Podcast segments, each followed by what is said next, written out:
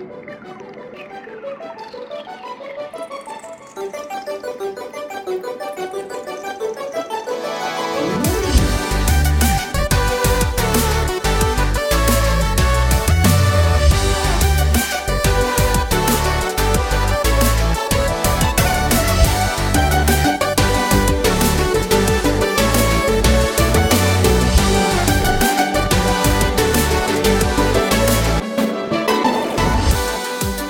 Velkommen til nerdelandslagets Sidequest og ikke minst en helt ny serie. Åh, Det er så deilig å kunne sette i gang med nye serier. Det skjer jo noe da. Eh, det er litt nervøst, det er litt, eh, det er litt nye ting man skal gjennom.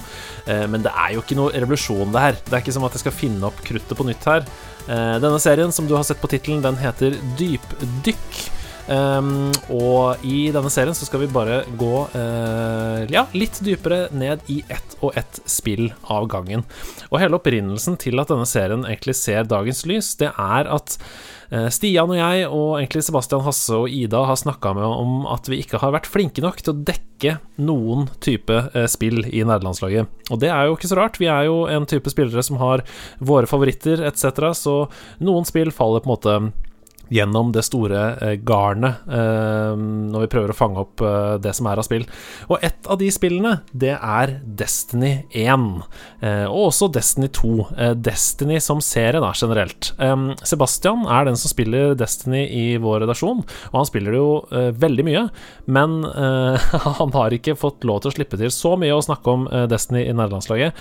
Så derfor så tenkte jeg at er det noe bedre måte å starte denne dypdykkserien på enn å ta med hele Norges Destiny-profet, kanskje den største ambassadøren, en slags eh, Ja, den, den, den viktigste guardian vi har, den som skal redde universet, nemlig Level Ups egen Rune Fjell-Olsen. Velkommen! Jeg må si det, Andreas, hvis du hadde spurt noen andre om å komme for å snakke om, eh, om Destiny, så hadde jeg nesten blitt litt fornærma, altså. Nesten litt fornærma. Vi har med oss Frida Danmo til å snakke om Destiny. Ja, ja, ja, ja, ja. Nei, det er veldig hyggelig å prate med deg. Du, eh, aller først, bare for å få det ut av veien. Dette er årets varmeste dag, eller? Det er helt pyton. Det er helt forferdelig, Andreas. Det er eh, Ja, jeg har bare vært en liten tur ut i dag, men det var liksom en, en tur nesten for mye, altså. Ja. Så det kan ikke være sånn. Nei, og ingen av oss, så vidt jeg vet, har vel aircondition eh, hjemme. Nope. Så, så her, er, her, er, Det som er av vinduer, er åpne, og vi har trukket inn i skyggen foran gamingriggen. Um, mm. Men vi skal ikke klage. Altså, det er sommer. Jeg er veldig glad i sommeren. Uh, har du noen planer? Du, er det noe du skal denne sommeren? Jeg skal få hund. Gratulerer! Ja, det er ganske, ganske svært også. Godt å tenke på det i mange mange år. Jeg har vokst opp med hund, jeg er veldig glad i hund. Ja. Uh, har liksom ikke følt at vi har uh, overskudd uh, i liksom småbarnslivet til å ha en hund. Men nå har ungene blitt såpass store at det går an å dele litt på ansvaret. Så nå ja, blir hund, altså. Nå blir hund. De kan ta sin del av det. De kan gå tur etter diverse aktiviteter er ferdig på dagtid. skole, f.eks. For eksempel. Jeg har, jeg har liksom fulgt den føljetongen Rune får seg hund i level up. um, har dere lytta til innspill fra lytterne der, eller har du gått for egen magefølelse og familien, familierådet? Nei, absolutt uh, lytta til, uh, til, innspill vi har fått der. Fordi med en gang jeg nevnte da, i podkast og andre sammenhenger at vi vurderer å få hund, mm. så, så altså, folk som har hund, er jo en egen rase, det også. Blant oss, liksom. De har veldig sterke meninger om hunden og mye tips og råd og sånne ting. Definitivt. Veldig sånn community-følelse rundt det å ha hund. Så det rant jo inn med tips til raser og oppdrettere og alt mulig rart, da. Så, mm. så, jeg har sett på alt. Uh, sett utrolig mange bilder av veldig mange søte hunder. Jeg vil jo si at det var med på å påvirke oss til å liksom si OK, da. er, hunder er veldig søte og fine. Vi må nok skaffe oss en. Ja, det er det bra. Hva, kan jeg spørre hva det endte på, eller er det sånn hemmelig hundeeiergreie? Man, spør ikke om, man spør ikke om rasen. Nei, da, da, gikk vi Nei, det er ikke, det er ikke som jeg vet. Um, jeg har et større problem med navnet som, uh, som egentlig jeg har valgt, da, litt først uh, som tull. Ja. Men som ble plutselig stressa etter hvert på at um, kommer liksom andre hundeeiere til å, til å bli sure på oss nå. Um, er, du, er du rett og slett hundecancelled? Det er spørsmålet. Ja, jeg ble litt stressa på det. Nei, men det ble en dansk-svensk gårdshund. Det er da ja. også fun fact. Samme hund som Lippestad har. Oi, ja. ja. Ja, koselig. Den har jeg sett på TV. Den er veldig, veldig fin. Mm. Bra byhund. Hva er navnet? Fernet Branca. Ja, ja, ja, ja. Du er ikke cancelled i min bok. Det er, Nei, det er bra. fa fantastisk eh, navn. Veldig Ferne Branca! Ja, he hele navnet bare når vi er, er bestemte, ikke sant. Ja. Fernet uh, til daglig. Hvis man blir, skal være litt strenge, så blir det Fernet Branca. Da blir det hele navnet. Du, Ikke sant? du må passe deg når det er liksom på, um, uh, på foreldremøte, og du sier til kona sånn Har du sett Fernet, eller? Har du sett Ja, ja, ja, ja, ja. Uff, det kan bli, kan bli ille. Ok, eh, vi kunne prata om dette kjempelenge, hører jeg, men uh, kanskje det skal bli en annen sidequest. Um, Mitt hundeliv med Rune Fjell Olsen. Ja, Men, um, men uh, vi skal snakke om Destiny 1 i dag. Um, vi skal ro ned, folkens. Vi skal snakke om Destiny 2 også i en annen episode, men først skal vi snakke om Destiny 1.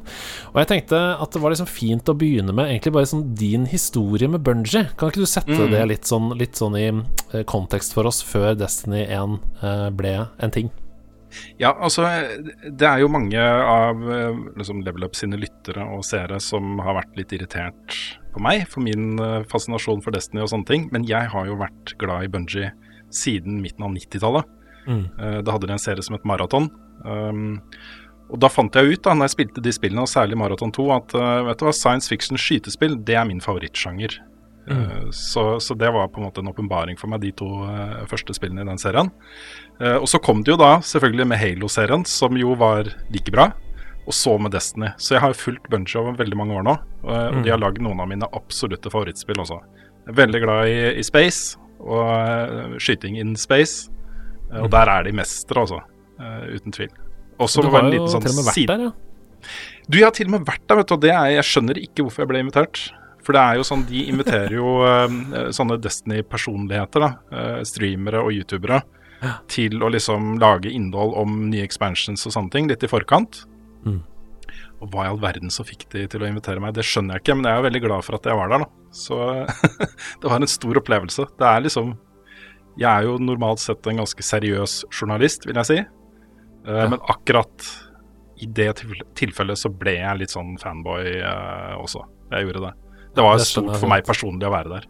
Ja, ja, ja, men hallo, det må være lov at det skinner gjennom litt eh, innimellom. Men eh, man sier jo sånn 'never meet your idols'. Um, fikk du den følelsen, eller var det tvert imot bare, bare gøy?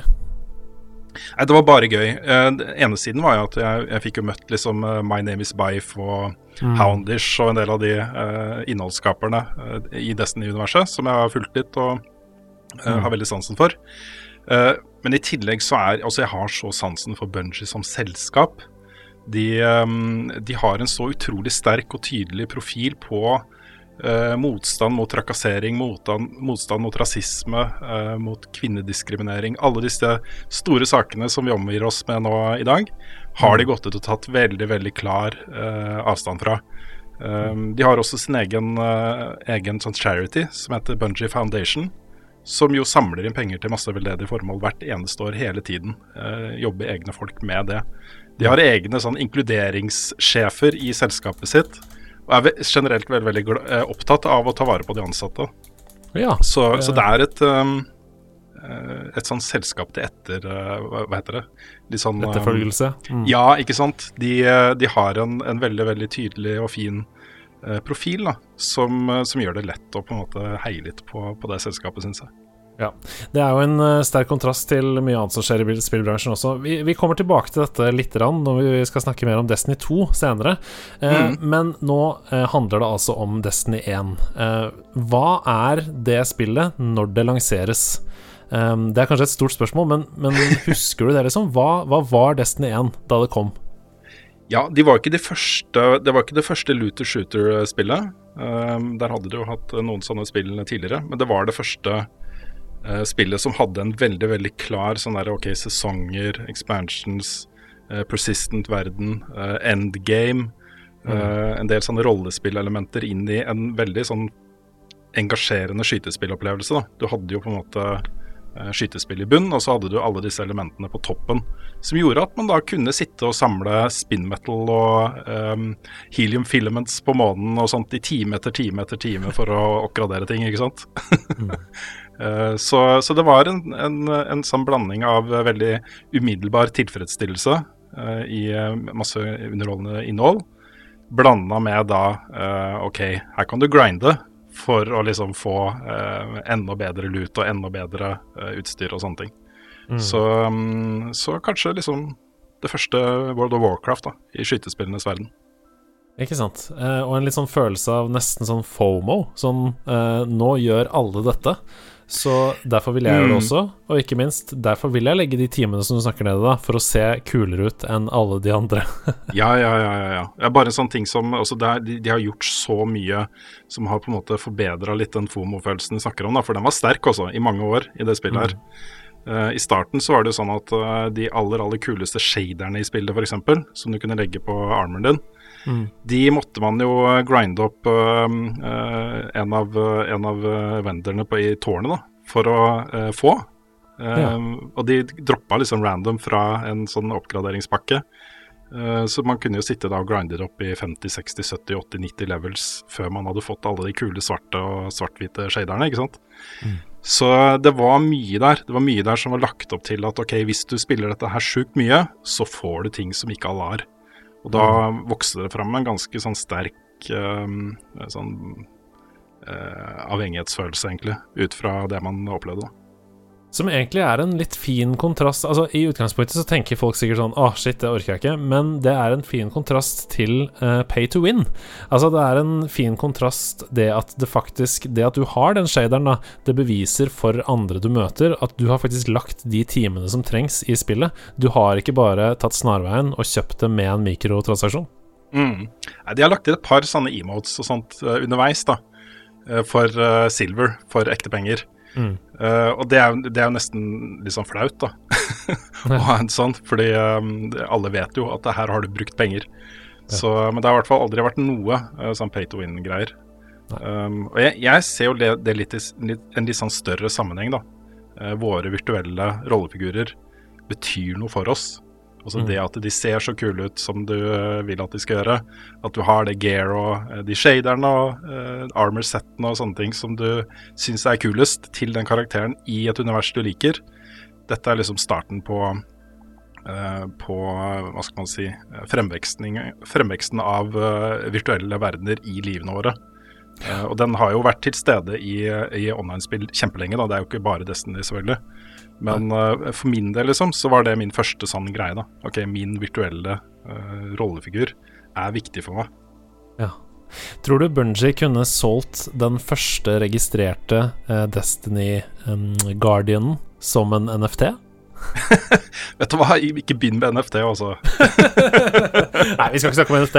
Eh, vi, vi, skal snakke om noe helt annet. Vi skal snakke om eh, problemene som oppsto før Destiny 1 eh, kom, og også rett etter release, for det var en del krøll med releasen. Um, noe av det handlet om historien. Um, det er vel mer eller mindre bekreftet nå at historien ble drastisk forandra bare liksom ja, 18 måneder eller noe sånt før release, um, og at ganske mange av de karakterene som skulle ha en større rolle, ble nedjustert etc. Uh, mm. hvordan, hvordan var, jeg var jo ikke der da Destiny 1 starta. Åssen følte du at historien, universet, karakterene var da? Eh, jeg kjente på den samme skuffelsen som mange andre gjorde da spillet ble lansert. Fordi um, måten det ble på en måte solgt inn på, da, den hype-toget hype starta så um, fremsto spillet som ganske annerledes enn det det endte opp med å bli. Mm. Um, så selve historien, altså uh, campaignen da, i uh, den aller første utgivelsen av dette spillet, var bare sånn helt OK. Det var ikke noe mm. um, stort der. Um, uh, det er nok For mange så var det på en måte nok til å si at dette er dritt, og det er jo en følelse som har holdt seg hos mange helt siden ja. lansering. Og så den der, Er det noen som gidder å spille det drittspillet der? Det starta der, da. Tenk med en ganske sånn slapp historie. Det har ganske mye å si, den releasen, ass, for, mm. um, for uh, etterlatt inntrykk. Ja, det har det.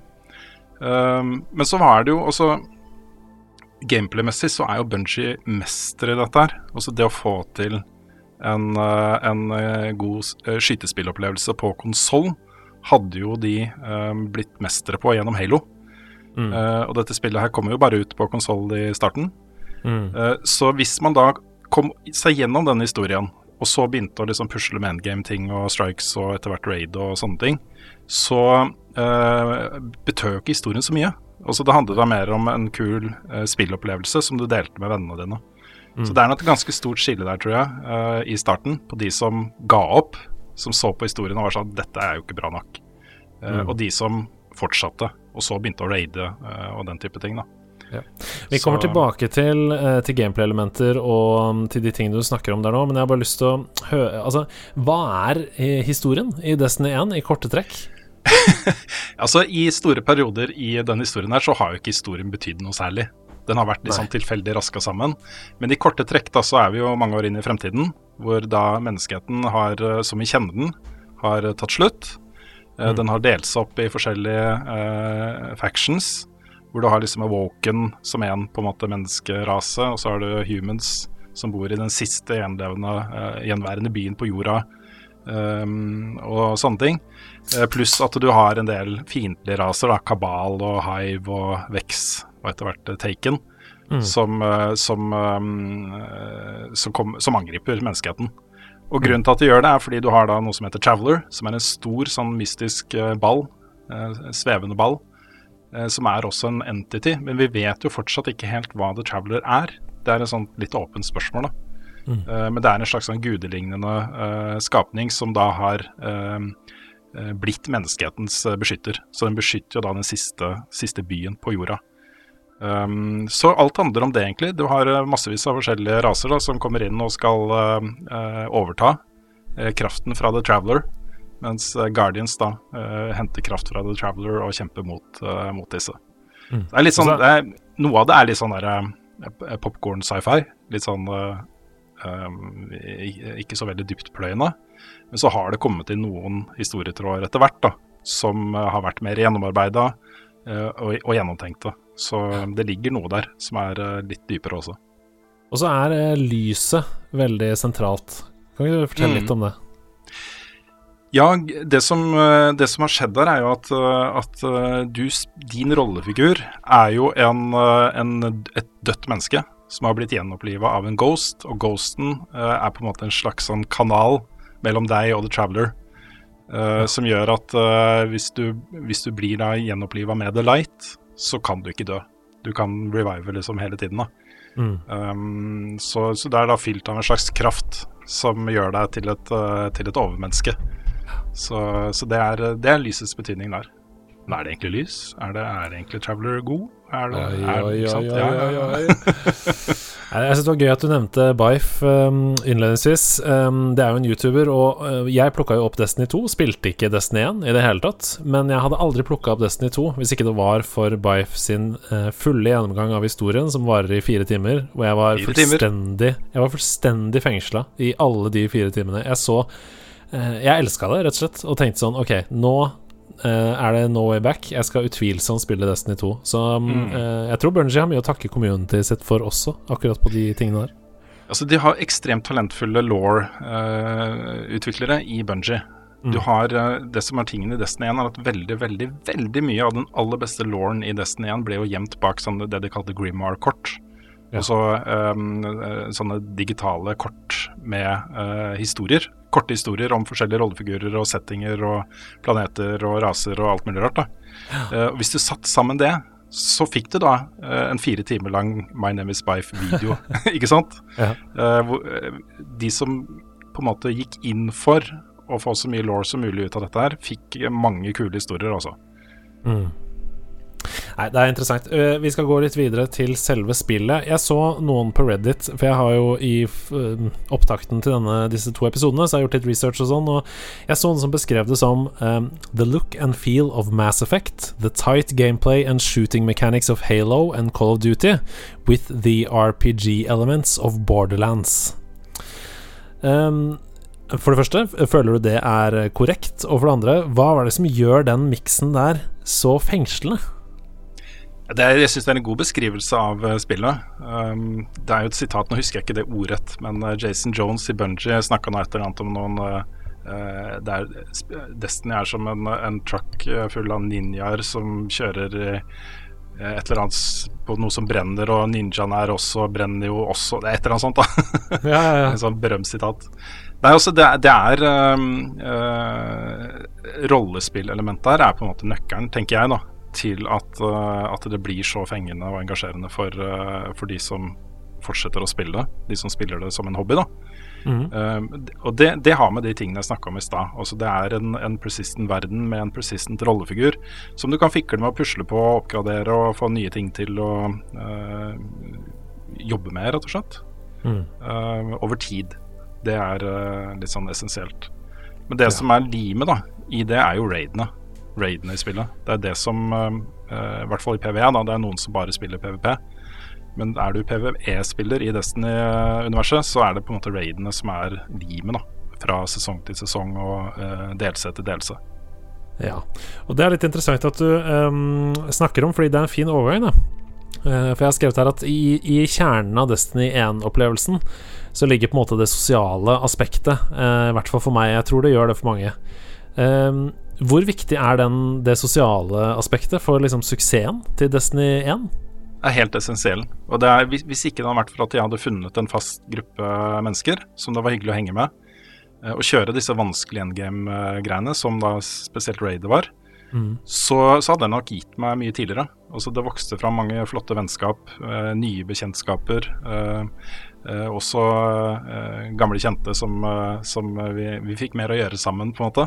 Eh, og det er, jo, det er jo det det går på. Du gjør ting som oppleves som betydningsfullt, sammen med en hyggelig, hyggelig gjeng. Uh, og så får du lut på slutten. så, um, så det sosiale her er megaviktig, også. Jeg har jo um, Vennelistene mine på de forskjellige plattformene jeg har spilt Destiny på, har jo est ut noe voldsomt. Fordi jeg stadig møter nye, hyggelige folk å spille med. Så det er, det er kjempehyggelig, altså. Nei, det var litt sånn jeg hadde det med Overwatch også da jeg plukka det opp. Uh, PSN-lista mi fikk virkelig kjørt seg. eh, med, med hyggelige mennesker både i innland og utland um, utover der. Men, men jeg, jeg føler at i i Destiny 1 um, og i Destiny-universet generelt, da, så er det der såpass um, essensielt, uh, og spesielt hva kommer til raidsene som du snakker om. Um, jeg hadde egentlig spart dette spørsmålet til episode to, men det føles riktig å ta det nå, for noe av det beste Destiny-innholdet som Bungie har å by på da, i dette, det er jo raids, som du snakker om. Mm. Og hva, hva, er det som, hva er det som gjør det innholdet så bra? Og, og ikke minst, fra Destiny 1, hvilket av raidsene der er det beste, syns du, og hvorfor det? Altså tingen her er jo at Det er ikke bare det des beste innholdet i Destiny. Det er for meg da, og mange andre det beste innholdet i skytespill noen gang. Også det, det er sånne svære, eh, avanserte eh, seksmannsopplevelser hvor man må samarbeide, man må kommunisere. Eh, og det første gang man spiller gjennom, så må man også eh, knekke en kode da, på hvordan man skal ta disse bossene og løse disse encounterne. Um, så det er en sånn massiv, massiv opplevelse som rollespill, uh, også MMO-RPG-spillere kjenner godt igjen da, fra raids i WoW og sånne ting. Eh, men som i skytespill var veldig nytt. Og hvis du ser også konkurrentene til Destiny, med Division og Warframe og sånne ting, eh, som også har prøvd seg på raids, det er ikke det samme, altså. Det er ikke det samme. Uh, mye bullet sponges og lite mekanikker, egentlig. Det handler mer om å uh, få en så sterk rollefigur som mulig, sånn at du kan, eh, kan gjøre så mye damage som mulig. Mm. Du har elementer av det i Destiny også, selvfølgelig, men det handler vel så mye om kommunikasjon også. Om lagarbeid og samarbeid. Absolutt. Og det er. Jeg føler det er to ting som er helt unikt eh, med raidsene i Destiny. Og Det første er at eh, det fins mekanikker eh, og gameplay-elementer som bare fins der. Altså Det Mm. finnes ikke noe annet sted i Destiny, og Destiny er en enorm arena. Men det er sånn Du kan ha spilt eh, 500 timer med Destiny uten å ha spilt et raids, da. Et raid, Ja. liksom. Og så kommer du inn, og så skjønner du sånn Ok, nå er det noen knapper jeg skal trykke på.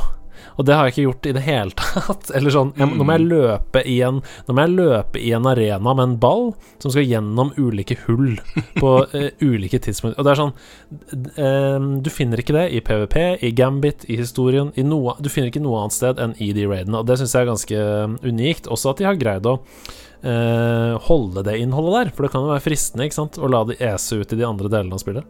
Mm. Ja, de har gjort en sånn bitte liten justering på det. Den er ikke stor, uh, men det er eh, Det du snakker om, var jo veldig, veldig Sånn var det jo hele veien.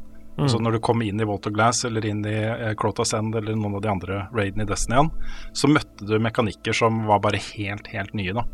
Eh, det var eh, ikke noe i spillet som tilsa at det kom til å bli som det, så man måtte jo finne ut av det. ikke sant? Man måtte jo virkelig, virkelig grave seg ned i det for å skjønne hva man skulle gjøre. gjøre da. Mm. Eh, I de nyere sesongene, nå har det jo gått over til eh, etter at de gikk fullt indie. Nå er jo Activision ute av publishing og de styrer alt selv, da. Eh, så har de eh, gått mer over til en sånn sesongformat med mindre chunks av storyinnhold fra sesong til sesong, men med en seasonal activity eh, for hver nye sesong. Altså det kommer en sesongaktivitet som er ny. I den så ligger det, har de gjort da, de siste sesongene, et hint til ting du kommer til å oppleve i raidet. For eksempel da, den nye sesongaktiviteten, så er det um, plutselig noen sånne oracles i lufta som du må skyte på i en viss uh, spesiell rekkefølge da, for å Mm. komme deg videre. Ja. Og det møter du i raidet da, uh, seinere, ikke sant. Nei, nå, dette, ja, det er jo naturlig selvfølgelig når man snakker om Destiny 1 og også uh, sette det opp mot Destiny 2. Det blir jo helt naturlig. Eh, Mm. Så beklager hvis vi sklir litt ut og inn her, men det får dere bare leve med. Um, for, ja, for det andre som jeg syns er helt sånn unikt med de raidsene, det er jo da at du nettopp det som du er litt inne på her, du får ikke vite noe. Eh, du må finne ut av det sjøl, eller så må du la noen andre finne ut av det, og så må du gå på YouTube. Det er ingen som holder deg i hånda der, liksom. Mm. og den derre stangingen, da. Den, du dør og dør og dør, og teamet wiper, og du skjønner ikke hvorfor.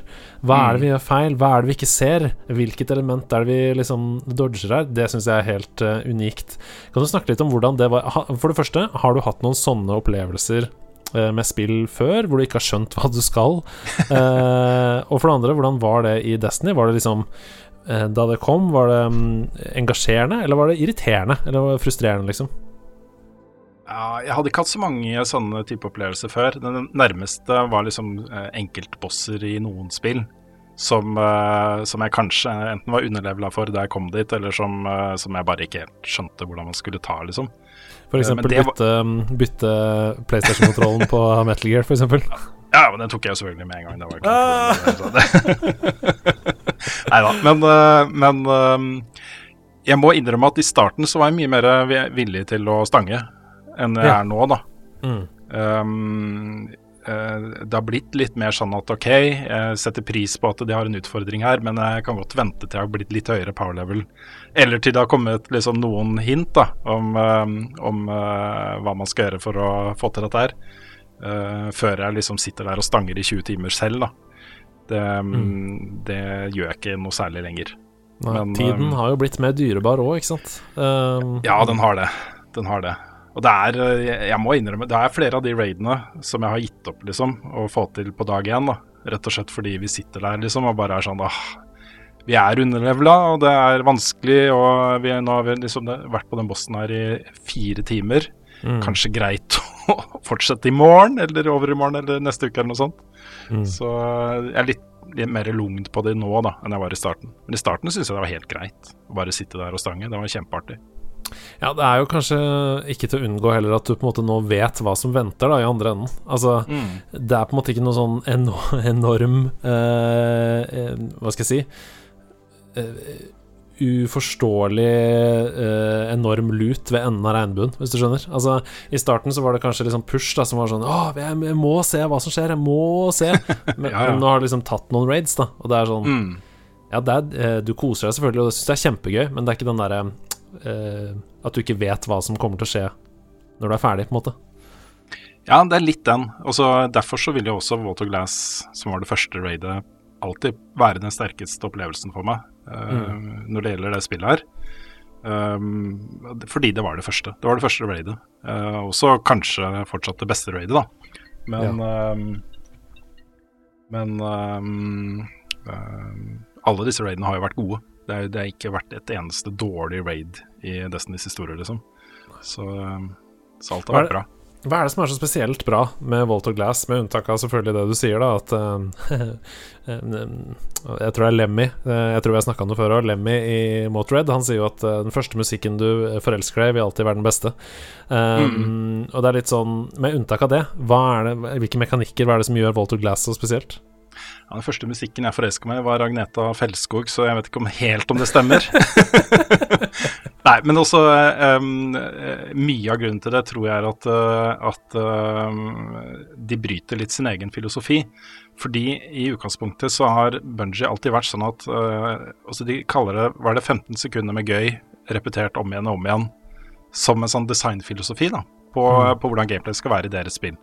Ja. Uh, og du, du, kjenner det igjen i Halo, du kjenner det igjen i Destiny, du kjenner det igjen i alt de har lagd, egentlig. Uh, men her så er det plutselig lange, lange partier hvor alt er bare helt stille. Det er ikke noen bakgrunnsmusikk, det er bare um, fremmede, uh, spennende, ofte litt skumle miljøer da, som du skal komme deg gjennom for å komme deg til neste encounter.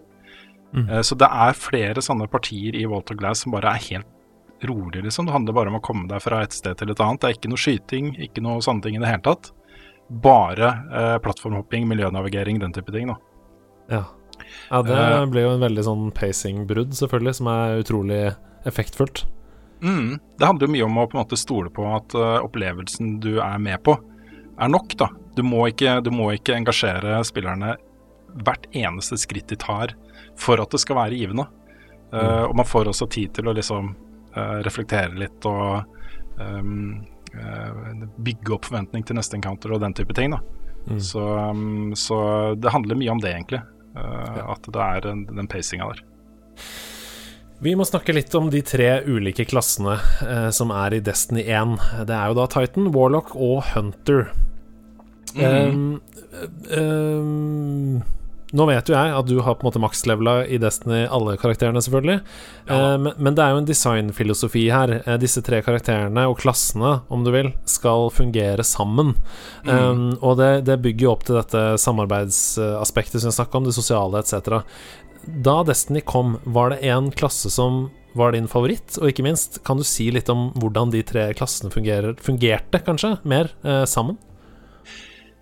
Jeg, jeg, tror nok tanken om at de skal liksom eh, komplementere hverandre og sånne ting, er, er nok uh, ikke fullt så godt gjennomført som mange kunne ønske seg. Mm. For, fordi uh, det er ikke like viktig å komponere et lag bestående av liksom forskjellige uh, klasser i Destiny som det er i, i f.eks. WoW og andre mer rollespill. Spill, da. Mm. Um, men utgangspunktet her er jo liksom at ok, du har Hunter, som er den kjappe Eh, eh, kjapt inn og ut av konflikter og eh, kamper og sånne ting. Eh, som også hadde en egen uh, subclass hvor du kunne gjøre deg selv usynlig, f.eks. Så mm. litt den derre thief-klassen. og så har du Titan, som jo tanken var at det skulle være litt sånn tank. Høy resilience. Superne til den klassen var også litt basert på at her skal vi stå stille og skyte på ting.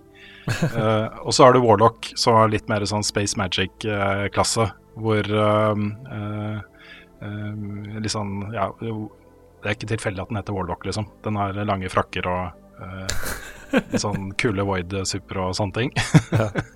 um, men også en, en, den ene subclassen, i hvert fall nå i Destiny 2, da, jo, er jo veldig sånn support-klasse. Den har en sånn Well of Radiance som man kan stå inni og gjøre mer damage og ta mindre damage. Mm. Så, um, så, man jobber jo litt med det, da, når, særlig når det er nye raids uh, og man er underlevela. Så tenker man mye på det. Da bør man ha med en warlock, minst en warlock. Mm. Uh, gjerne en Titan eller to og et par huntere, fordi de kan bruke supere på måter som, uh, som hjelper de andre klassene, da, de andre spillerne. Det er nesten blir... en slags Overwatch-tankegang, faktisk. Mm, ja, det er litt sånn Jeg skulle ønske det var mye mer av det da i, um, i Destiny. Jeg har jo spilt litt uh, Outriders uh, ja. de siste månedene. Og der er det på en måte større frihet til å komponere ganske drøye subclasser selv. Mm. Uh, og jeg tenker at det hadde vært et kult skritt for Destiny å ta også. At man fikk ja. litt større frihet der. For det mm. som skjer da, når, når, man begynner å kjenne disse raidene godt, Uh, så sitter man der Nå skal vi ta et raid med bare Thundercrash Titans. ikke sant? At man bare Hvilken klasse skal jeg velge? Nei, det er samme. Bare ta den du har lyst til å spille. ikke sant? Det blir litt sånn, da. Fordi alle kjenner det så godt og uh, klarer å holde seg i live og gjøre nok damage. Så, Men det, det, er jo litt fint òg, da. At på en måte de har laget et verktøy, og så kan man selv um, bruke det verktøyet som man vil, på en måte. Kreativt. Mm. Uh, og lage egne challenges for seg selv og sånn. Mm. ut fra hva som fins. Ja, det, det, har jo blitt ganske vanlig. Du har Dungeons uh, og Grandmaster Nightfalls og en del ganske sånn hardcore, uh, også Master uh, Lost Sectors og sånne ting. Mm. Ganske hardcore, hvor du er per definisjon underøla, for det er høyere level enn det er mulig å være akkurat nå. da. Mm. Um, og der er det utfordring om å ta det solo. Også du får egne emblems og exotics og sånne ting hvis du gjør det solo. Ja. Så det har blitt en, en egen greie, det der. Um, og det er til og med en sånn tomanning av raiden og sånne ting som folk holder på med. De er jo gærne, vet du. Jeg, så, jeg ser at du har tatt noen sånne solo Nightfalls som er helt sjukt imponerende. Men det skal vi ikke snakke om nå. Vi skal snakke om eh, en ting som har fått mye kritikk i Destiny, både i 1 og 2, men som kanskje har forandra seg litt fra 1 til 2. Og jeg snakker selvfølgelig om The Grind TM, som er skrevet her. Um, hva var Hvordan så grindingen ut i Destiny 1, og hva syns du om den? Mens jeg var midt i det, så, så hadde jeg aldri hatt det bedre. og så det, det, var, det, var, den følelsen da, av å sitte der og holde på i time etter time og eh, få noe igjen for det som jeg syns var verdifullt da. Mm. Eh, det var eh, en sterk opplevelse for meg, altså. Um, mm. Når jeg ser tilbake på det, så innser jeg jo at uh, det gikk litt over styr. Um, en litt sånn langvarig effekt av det er nok at jeg har uh, begynt å uh, legge meg seinere enn jeg gjorde før Destiny. Ja. Altså færre timers søvn. Wow. Uh, fordi det ble en del sånn spilling på sent kveld og utover midnatt og litt seinere og sånt.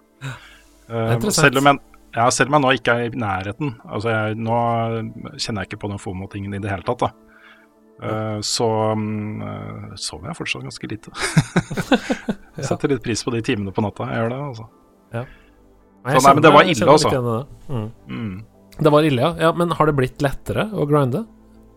Ja, det har blitt mye, mye, mye lettere å grinde nå. Kjempemye lettere har det blitt. Mm. Uh, det er uh, uh, Selvsagt, hver gang det kommer en ny sesong, eller power levelet går opp, eller noe sånt, så blir man jo veldig sånn OK, komme seg til maks level er liksom litt sånn altoppslukende et par uker.